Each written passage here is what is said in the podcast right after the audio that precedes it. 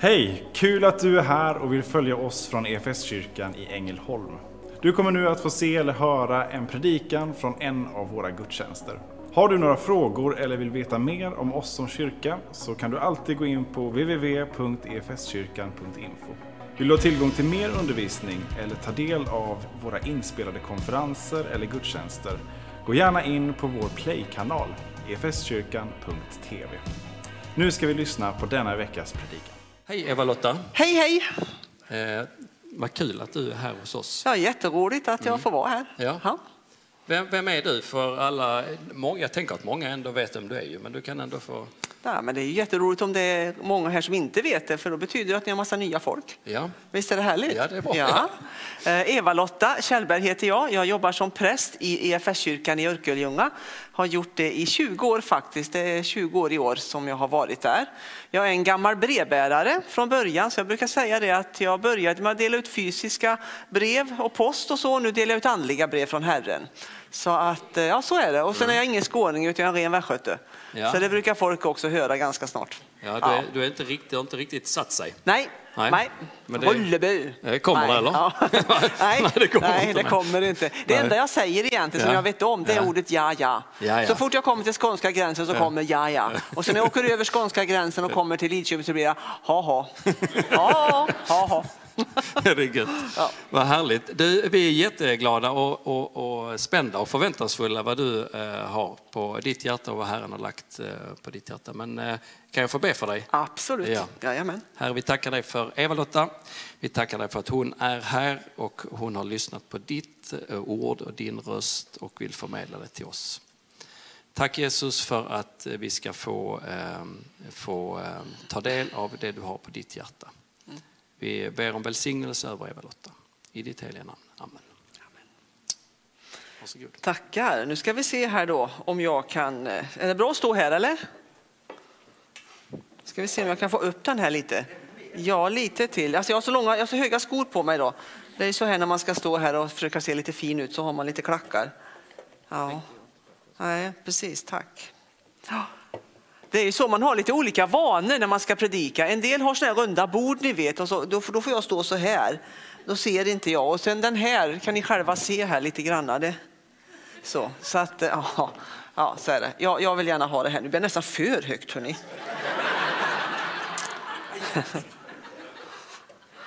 Ja, ja, sånt här ska man göra innan. Det brukar jag alltid göra när jag är i Örkelljunga. Men nu så tänkte jag mig inte för lite gärna. Nu ska jag krångla en gång till. Där får jag ytterligare krångla lite. Ett glas vatten skulle jag gärna vilja ha. Jag tänker jag kör med, med, med er präst här så han får jobba lite. Medan han springer och hämtar det levande vattnet så, eh, så vill jag bara tacka Herren. Herre, vi tackar dig för att vi nu ska få lyssna på ditt ord. Och nu ber vi dig, Herre, att du låter din heliga ande få tala in i våra liv om denna fantastiska frihet som du har gett dina barn. Att det faktiskt är en skillnad att tillhöra dig, att få stå under ditt herravälde och ditt beskydd mot att inte göra det. Herre, jag ber att du hjälper oss att förstå vad det är vi har fått i dig så att vi liksom inte bara fortsätter i det som vi en gång hade utan att vi får komma in i det rike som du har skapat åt dina barn. Så jag tackar dig Herre för att du vill påminna oss om detta idag. Så att vi liksom inte fortsätter att trampa i det gamla utan att vi får trampa upp nya stigar tillsammans med dig. Vi lovar dig och vi prisar dig och vi ärar ditt underbara namn. Vi ber om det i Jesu namn. Amen. Då kan jag ta det här så kan du sitta sen. Jag lovar att jag inte ska. Ja, jag ska försöka undvika det. Jag brukar säga så ibland så folk vet det. Jag, jag har problem med rösten ibland så att när jag pratar lite grann så får jag hostattacker. Och det där var jättejobbigt i början av covid. För då fick man hela tiden säga jag är inte sjuk. Det är bara mina, mina stämband som är lite granna så ibland. Eh, jag har fått den stora äran idag. Då. Det var ju spännande när Magnus skrev till mig här för två veckor sedan. Ja, du kanske vet vad du ska tala om. Tänkte jag, nej det visste jag inte. Men jag var glad att jag fick veta det. Jag ska ju få avsluta om jag har förstått det hela. En liten vandring som ni har haft här nu i fastan. Och då har jag fått det här äh, eh, vad heter det, temat Samlas vid korset, där blir du fri. Jättespännande tema måste jag säga. Och jag tänker också att det hör ju faktiskt ihop med, med dagens tema i evangelieboken och det kanske är tanken också när ni har suttit och gjort det här, jag vet inte. Men idag så är ju temat försonaren. Och, och, det här hör ju väldigt bra samman då att du får jag får möta försonaren och på det sättet får vi bli fria. Därför att det finns ju bara ett enda sätt och jag tror många av oss vet det här och kanske också de som sitter hemma och tittar på detta nu eller senare. Att det finns bara ett enda sätt för dig att faktiskt få möta friheten och det är att möta han som är försonaren, han som är räddaren, han som är den som har upprättat hela mänskligheten, nämligen Jesus Kristus. Så för dig och mig så tror jag detta kommer bli kanske en liten påminnelse. Men kanske för någon så blir det också en ny, ny erfarenhet, en ny upplevelse som man får vara med om idag. Och nu tänkte jag att jag ska läsa igen, för du läste texten ifrån Apostlärningarna idag. Det är slutet av episteltexten för idag och du har fått veta att ni ska få upp det här bakom mig. Och då ska vi läsa från Apostlärningarna 4 och 12. Och hade vi då bara använt av texterna idag som är föreslagna så skulle vi få se att det här är slutet på ett tal eller en predikan då som Petrus håller för de äldste eller för de religiösa ledarna i Jerusalem. Och så avslutar han så här. Hos ingen annan finns frälsningen och under himmelen finns inget annat namn som människor fått genom vilket vi blir frälsta. Och det här är bara en påminnelse tänker jag, därför att om du och jag ska få uppleva detta, den frihet som du och jag längtar efter som människor, så måste vi liksom komma in under korset och så måste vi böja oss under korset. Och det sjöng vi också här i en härlig lovsång för en stund sedan, att vi måste böja oss inför Jesu kors. Och så måste vi också förstå vad det är Jesus har gjort för hela mänskligheten. Men så har jag också när jag satt och förberedde detta så fick jag till mig tre ord så jag ska förlänga temat idag lite granna. Jag har lagt till tre ord som jag tänker kan vara viktiga idag. Eh, och då blir temat så här. Samlas vid korset, där blir du fri från dig själv. Man skulle också kunna säga, där blir du fri till dig själv. Så man kan vända lite på det här och sätta på lite olika sätt. Men jag har valt att säga, eh, du blir fri från dig själv. Och det här tänker jag, när jag skrev det så tänkte jag wow, det här lät ju ganska provocerande egentligen. Nästan lite nyandligt va? Nästan lite new age sådär. Oh, du ska liksom jobba för att bli fri från dig själv och komma bort från dig själv och allt det här. Men det finns en djup sanning i detta när vi gör det i, i, liksom, i relation till Jesus. Och när vi gör det i relation till vad han har att erbjuda dig och mig, då blir det liksom inte flummigt, det blir liksom inte, inte konstigt, utan det blir istället sant och riktigt. Vi behöver bli fria från oss själva ur ett perspektiv.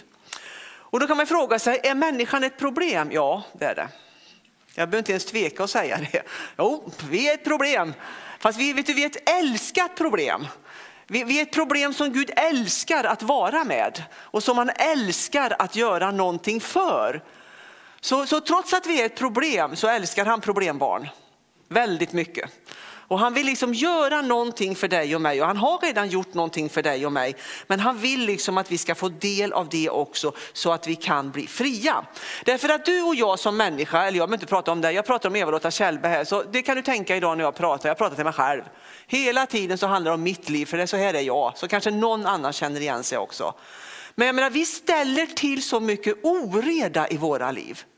Så oerhört mycket oreda när vi försöker liksom hitta den här friheten, den här, eh, den här längtan som vi har att liksom bara, ah, komma hem på något vis, hitta ron i våra liv. Så ställer vi till med ganska mycket oreda. Därför att Trots att kanske några av oss har vandrat med Herren länge så hamnar vi hela tiden tillbaka i det här gamla tankesättet. Att om jag bara uppfyller alla mina önskningar, om jag uppfyller alla mina begär, allt det jag längtar efter, det jag drömmer om, det jag vill ha tag i mitt liv, då kommer jag bli fri. Då kommer jag äntligen att få uppleva det jag längtat efter. Då kommer friheten in i mitt liv. Och det tänker jag att det är någonting som vi alla liksom får jobba med i våra liv att hantera det här. Och så tänker man ibland så här, vi pratade om kollekten här förut, det var ett fint kollekttal du höll. så tänker vi så här ibland att ja, men bara jag får tillräckligt mycket pengar i plånboken, bara jag tjänar tillräckligt mycket så att jag blir oberoende, då kommer jag bli lycklig och fri. Bara jag får tillräckligt så kommer det här suget i mitt inre, längtan efter någonting, då kommer jag uppnå det. Men jag kommer aldrig glömma, jag lyssnade, jag tror det var förra året eller det var för två år sedan, det var sommarpratare. Jag brukar aldrig lyssna på det för jag har inte kommit in i riktigt det, det tänket och lyssna på det, jag glömmer av det hela tiden. Men då var det han som hade bildat Klarna, tror jag det, Bank, bankappen, de nickar här så jag är inne på rätt språk, Klarna. Och han berättar liksom hur han hade det här suget efter att uppnå frihet och hur han kämpade för att uppnå den här statusen. Och när han kom dit, jag satt och lyssnade på det i bilen, så sa han, ja då upplevde jag bara tomhet. Och då tänkte jag, ja vet du, du behöver Jesus, för det är bara det som kan ge dig frihet. Så många av de som har tjänat de här jättehöga summorna pengar och blivit ekonomiskt oberoende, de säger ju, nej men det räcker inte. Tomheten består fortfarande i livet. Och sen kan man då som vi ofta gör, vi människor, vi ska shoppa. Ja, men får jag bara köpa nya saker? Får jag köpa nya kläder, ett nytt kök, en ny bil, då kommer jag bli fri och nöjd i mitt liv. Jag fick en ny soffa igår, det var jätteroligt, men vet du idag så vill jag ha något nytt igen. Ja, så är det med mitt liv. Jag är nöjd några dagar, sen känner jag, ah, jag kanske skulle byta lampan också nu. Ja, och så håller man på sådär hela tiden alltså. Och den som har hamnat i ett missbruk som vi ibland kallar för shopaholic. Det finns ju faktiskt ett missbruk idag där människor liksom inte kan hejda sitt inköp av olika saker. De vet att suget efter nya saker aldrig försvinner. Det fyller liksom inte det här i vårt liv. Det ger oss inte den friheten som vi längtar efter. Sen har vi det här, om jag lever ut alla mina sexuella drömmar, då, då minsann, då kommer jag uppleva den här inre djupa tillfredsställelsen i mitt liv. Om jag byter partner ofta så kanske det blir bättre. Om jag går på swingelklubb så kanske det blir ännu bättre. Och om jag liksom lever ut alla mina sexuella drömmar, om jag ser på porr och allt vad jag gör, då ska jag uppleva friheten, känslan av att äntligen vara fri som människa. Men många kan ju vittna om motsatsen. Ju mer man jobbar på den så att säga, punkten i ens liv på det sättet, ju tommare, tommare och tommare blir livet.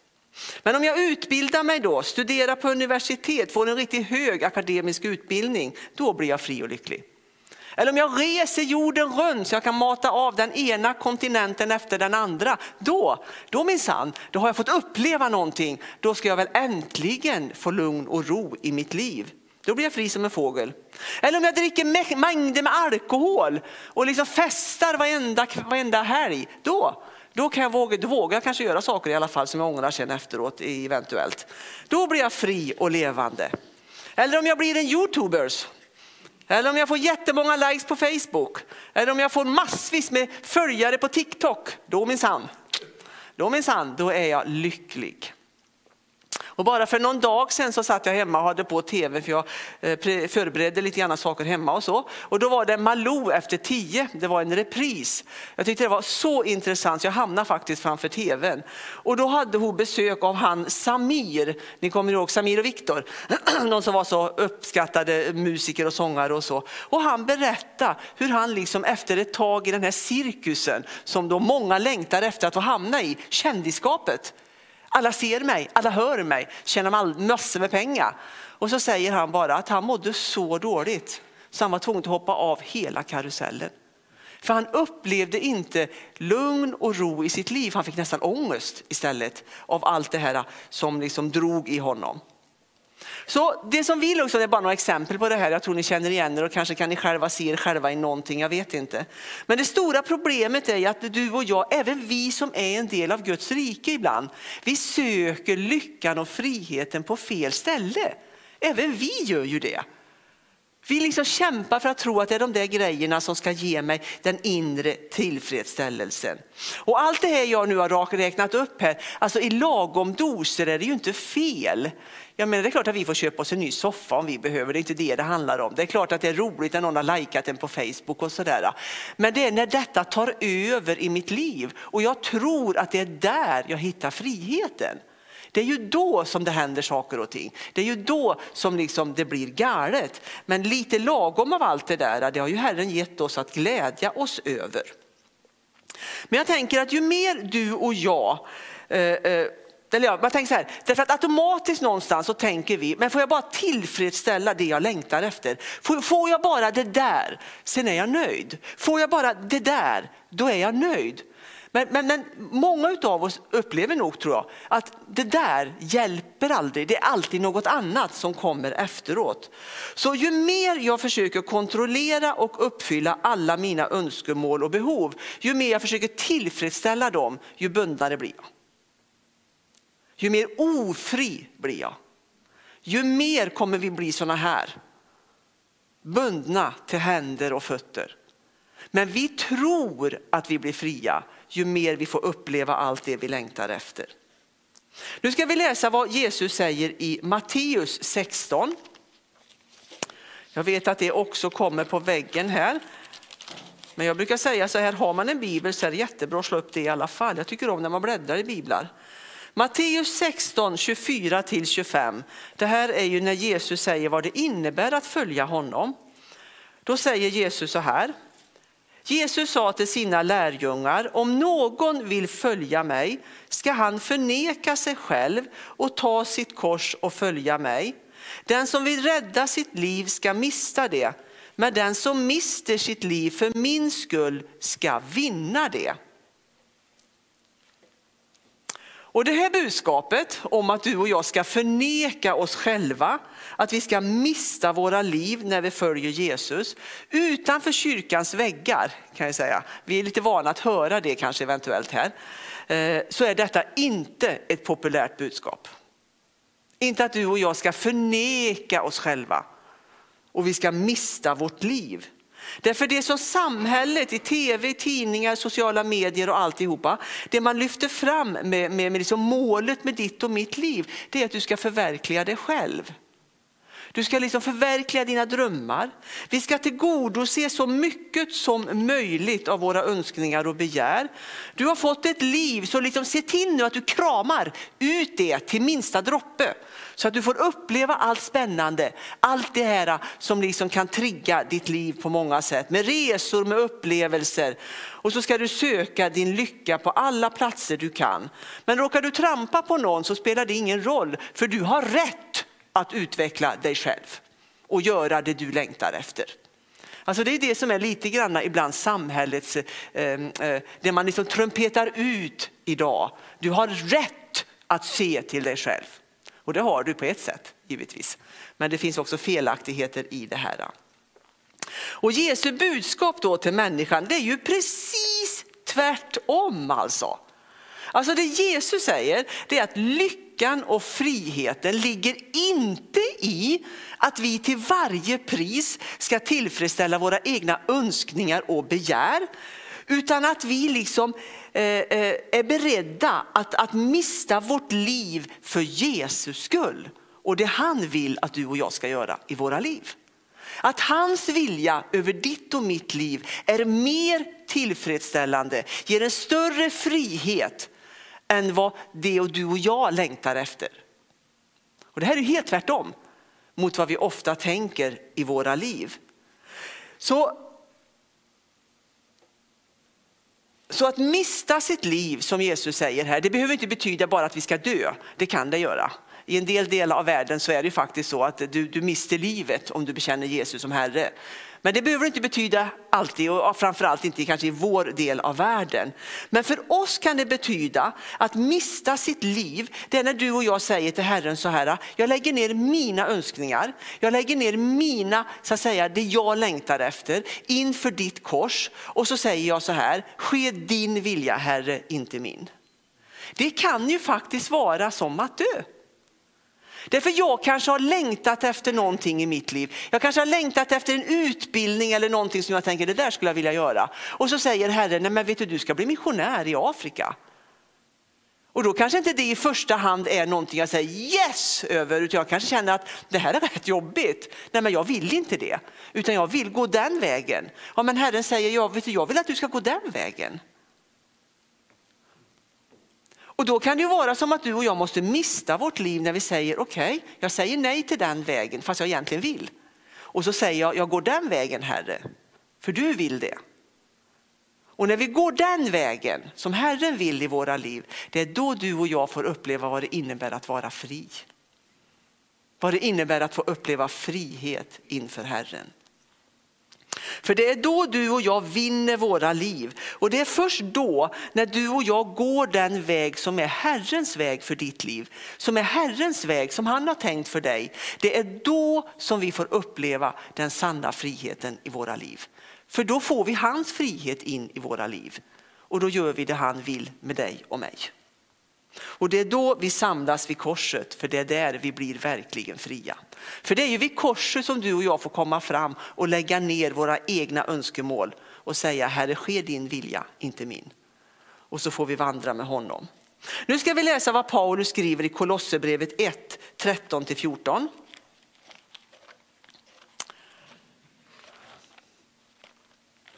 Ska vi se om jag hittar det här också. Där hade vi det.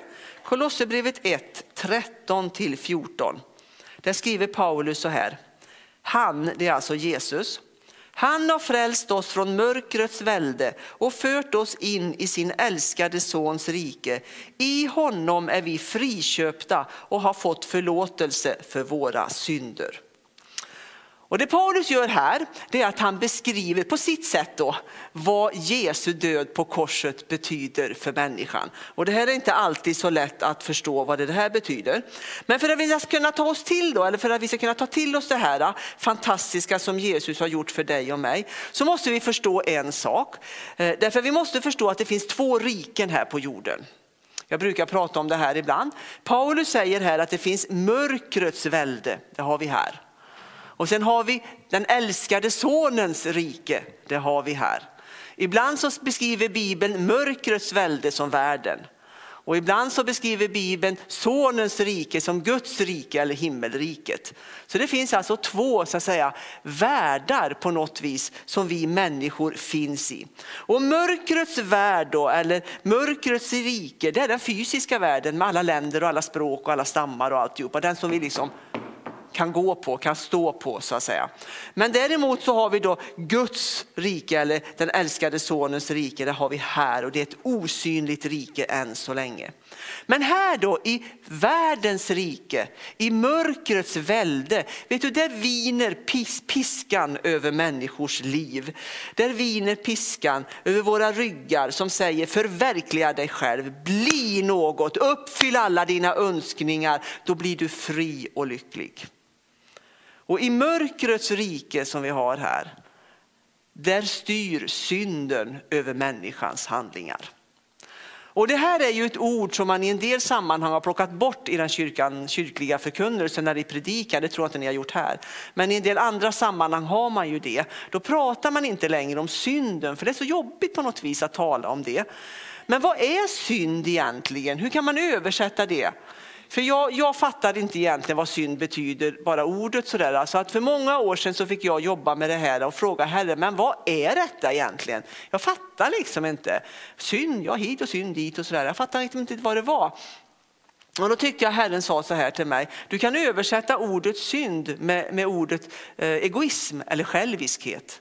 Det är min egoism och det är min själviskhet i mig som, som liksom, eh, gör att jag liksom gör saker och ting som inte är bra. Nu vet jag att alla sådana här synonymord inte alltid är de bästa, så ni får ta det lite för vad det är.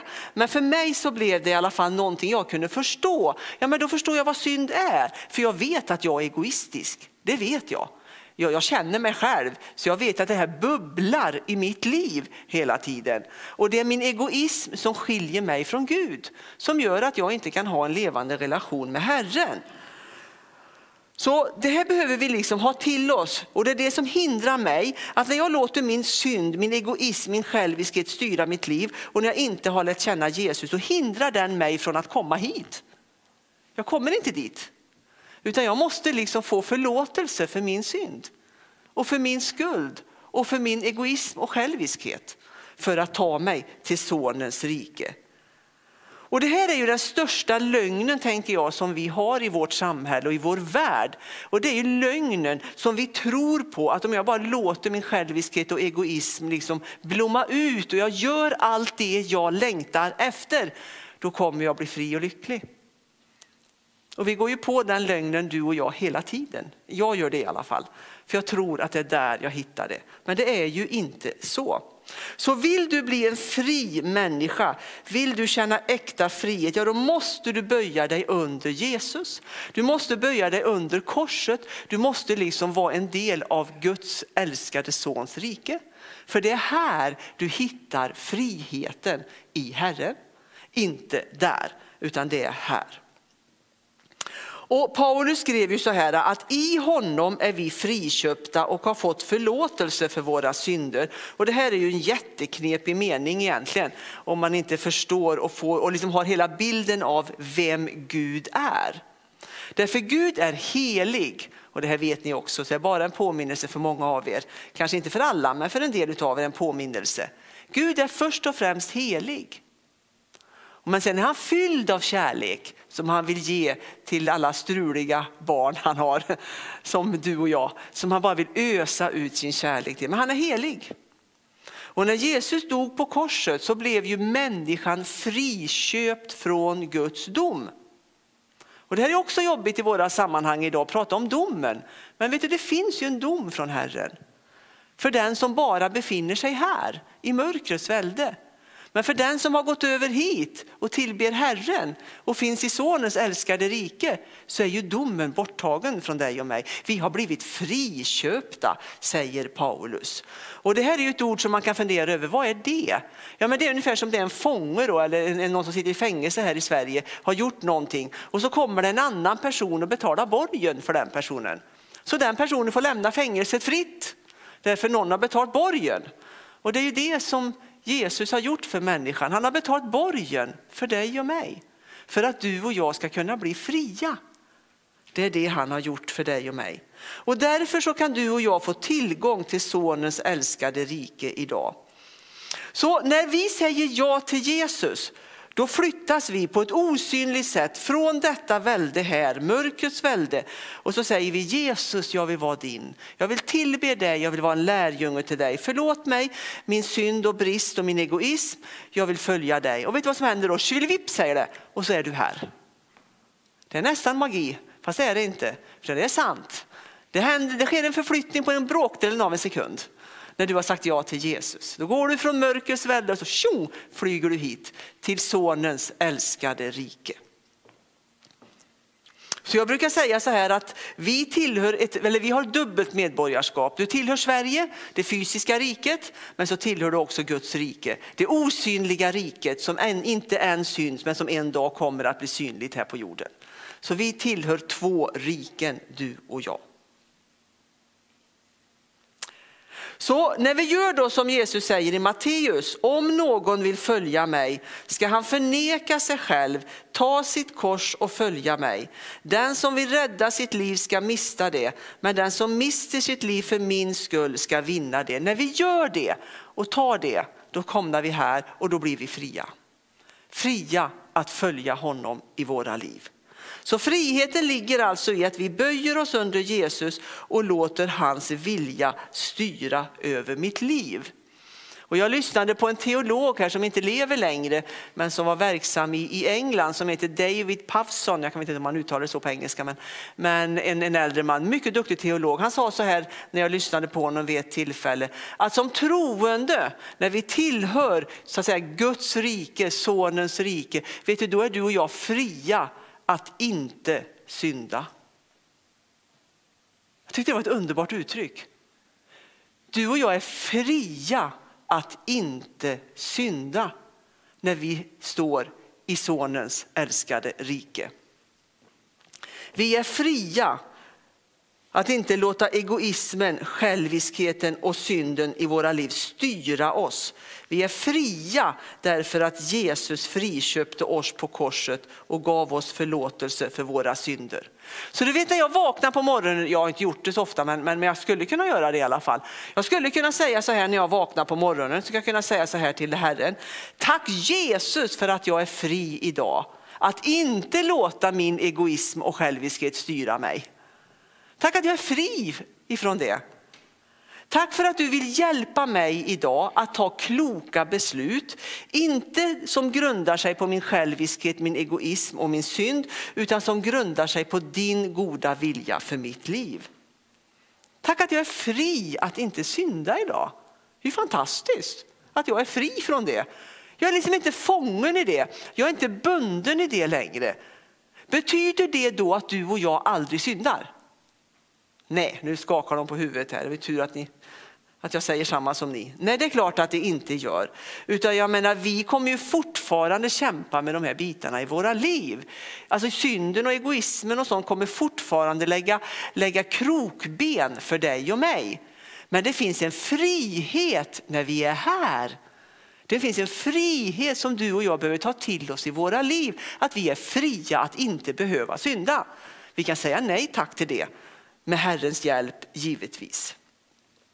Så det finns en väldigt stor skillnad för de som är kvar i mörkrets välde som vi har här och de som är i Guds älskade sons rike.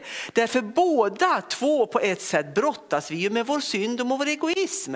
Det gör man ju här. Det är ju den som säger kämpa på, kämpa på, kämpa på, slå på, slå på, jobba på, jobba på, jobba på och så. Den får vi förlåtelse för. Men här så vi fortsätter ju jobba med det, det kallas ju för helgelsen. När vi är inne i Guds rike. Då vill Gud förändra ditt och mitt liv så att vi mer och mer liknar hans son. Så vi får en kraft när vi kommer till Guds rike. Helige ande fyller våra liv. Så när vi är här får vi hjälp av Herren att leva ett fritt liv. Så mycket vi bara klarar av utan att säga att vi kommer klara av det till 100 procent, för det gör vi inte nämligen. Men vi kan få hjälp med det vi brottas med och det som gör oss ofria som människor. Det kan du och jag få hjälp med. För vi klarar det inte själva. Jag skulle vilja ge ett exempel. Jag är på upploppet nu ifall det är någon som undrar om hon aldrig ska sluta prata. Men jag är snart på upploppet här. Jag brukar säga det. Jag har lätt för att prata, det vet de som känner mig. Men jag skulle vilja ge ett exempel på hur starkt begäret kan vara i ditt och mitt liv. Och att du och jag faktiskt behöver hjälp med det. När vi är här, bara här, så klarar vi inte att hantera det här. Därför att vi liksom låter oss drivas med, för så starkt är det här i våra liv. Så vi behöver förflytta oss hit för att få hjälp att hantera det här och få uppleva sann frihet. Men jag vill ge dig ett exempel på någonting som är väldigt starkt och som kan vara ett begär i våra liv och som vi kan ha svårt att bryta med. Och det är ju det att väldigt många idag sitter ju fast i porrträsket. Det vet ni allihopa. Det pratar man ju om på tv och så vidare idag också. Det är oerhört många som sitter fast i detta. Både kristna i kyrkan och även utanför kyrkan och så. Det finns ju så lätt att få till idag. Bara ett tryck på, på telefonen eller datorn eller så så är man inne på det här. Och det som kanske då började med en sexuell längtan blev så småningom till ett tvång i väldigt många människors liv som man inte kan bryta. Det är ett enormt tvång och det har ju med vår egoism och vår längtan efter att göra, efter inre tillfredsställelse och så vidare. Så det här med porrsurfandet har ju blivit en drog för många män och kvinnor. Man kan inte bryta med detta idag för väldigt många. Och det här har blivit till ett stort personligt lidande för väldigt, väldigt, väldigt många människor i vårt land. Unga killar och tjejer men också hela vägen upp i äldre åldrar. Man kan inte bryta. Och så tänker man så här på kvällen innan man somnar, det här var sista gången, nu minsann. Nu ska jag inte göra detta en enda gång till, för man vill egentligen inte. Nu ska jag sluta med detta. Nu ska jag inte titta på porr en enda gång till i mitt liv. Och så kommer kvällen och då är det som att kroppen lever sitt eget liv. Trots att man sa dagen innan aldrig mer så är man där i alla fall. Och så är man igång igen och så fortsätter man. Varför gör man detta? Därför att det är så oerhört starkt. Egoismen, själviskheten, begäret i våra liv. Alltså man ville inte det, men man har inte kraft att bryta med det. Därför det är så starkt. va? Det driver på hela tiden. Och det ska vara mer och mer och mer och mer och mer. Och så tror vi liksom att bara jag får göra detta, bara jag får utlopp för det här så blir jag fri och lycklig. Men många kan ju vittna om att man har blivit bundet till händer och fötter i ett tvång som man inte kommer ut. Det är lika starkt som alkoholberoende för de som är alkoholister. Det är samma sak, man kommer inte ur det här.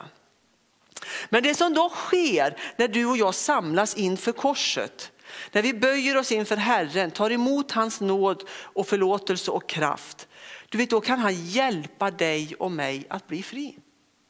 Det kanske inte går så här snabbt. Vi kanske får jobba med det. Men den heliga ande i ditt och mitt liv vill föda dig och mig på nytt. Till en ny människa. Så när vi brottas med de här frågorna, som till exempel det här då. Det kan vara matmissbruk, det kan vara shoppingmissbruk, det kan vara svartsjuka, eh, ja name it, det finns mycket. Men när vi kommer under Herrens kraft och hans herravälde, säger till Herren, detta har jag problem med Herre, du behöver hjälpa mig att bli fri. Då kommer han att hjälpa oss att bli fria. Sen kan det ta tid, det beror på vad det är i våra liv. Vi faller och faller och faller.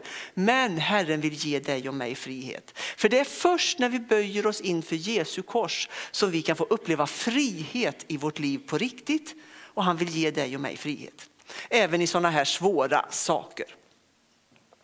Det här kan du och jag inte förstå intellektuellt. Vi kan inte läsa oss till detta på en bibelskola. Vi kan inte gå på en teologisk utbildning och fatta detta. Utan detta är en erfarenhet.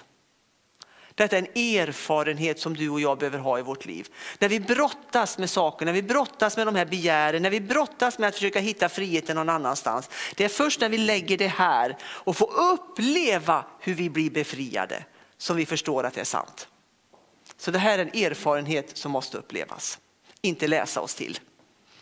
Så våran kamp, våran brottning, det finns en väg att gå för dig och mig att komma över i frihet. Så när du och jag befinner oss här så överlåter vi område efter område och så får Herren jobba med oss. Och vissa saker blir vi aldrig fria från.